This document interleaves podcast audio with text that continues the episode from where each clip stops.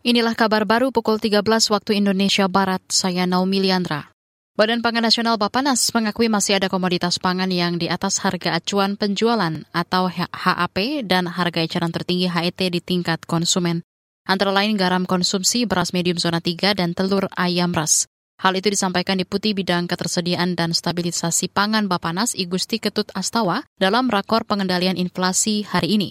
Badan Pangan sudah melakukan atau mendorong e, melaksanakan fasilitasi distribusi pangan di mana totalnya sebanyak 1.142,5 e, ton yang terdiri daripada jagung, kemudian beras, dan minyak goreng. Ini sudah kami lakukan dan ini akan berkelanjutan dalam rangka mengendalikan harga-harga yang di wilayah melebihi harga acuan I Gusti Ketut Astawa memerinci harga garam konsumsi 20 persen di atas HAP dan beras medium zona 3 15 persen di atas HET. Bapanas mengklaim telah melakukan gerakan pangan murah GPM di 26 provinsi. Selain itu ada pula pemberian bantuan pangan yang sudah terrealisasi sebesar 430 ribu ton atau lebih 65 persen dari total alokasi 3 bulan.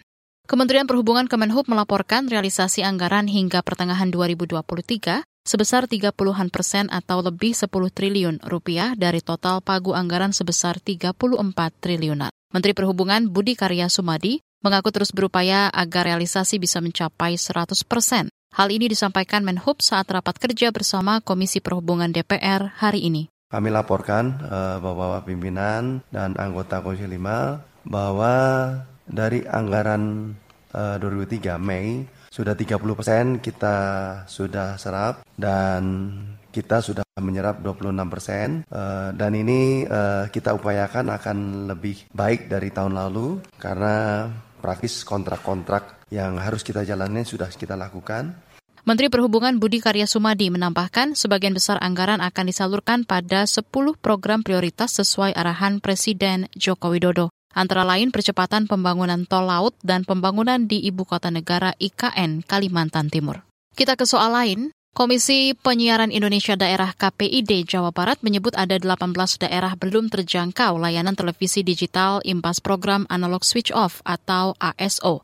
Ketua KPID Jawa Barat Adiana Slamet mengatakan, salah satu kendalanya yaitu ketersediaan infrastruktur dan kata dia, layanan siaran digital hanya menjangkau Kabupaten Bogor, Kota Bogor, Kota Depok, hingga Kota Bandung. Infrastruktur itu banyak, daerah Jawa Barat itu masih blank spot terestrial. Contoh, Pangandaran ada eh, uh, 10 titik blank spot.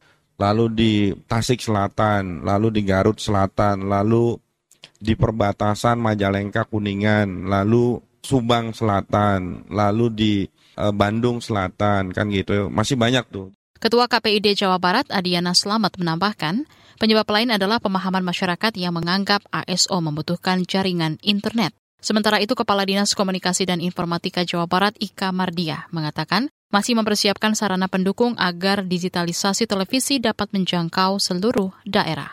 Demikian kabar baru KBR, saya Naomi Liandra undur diri.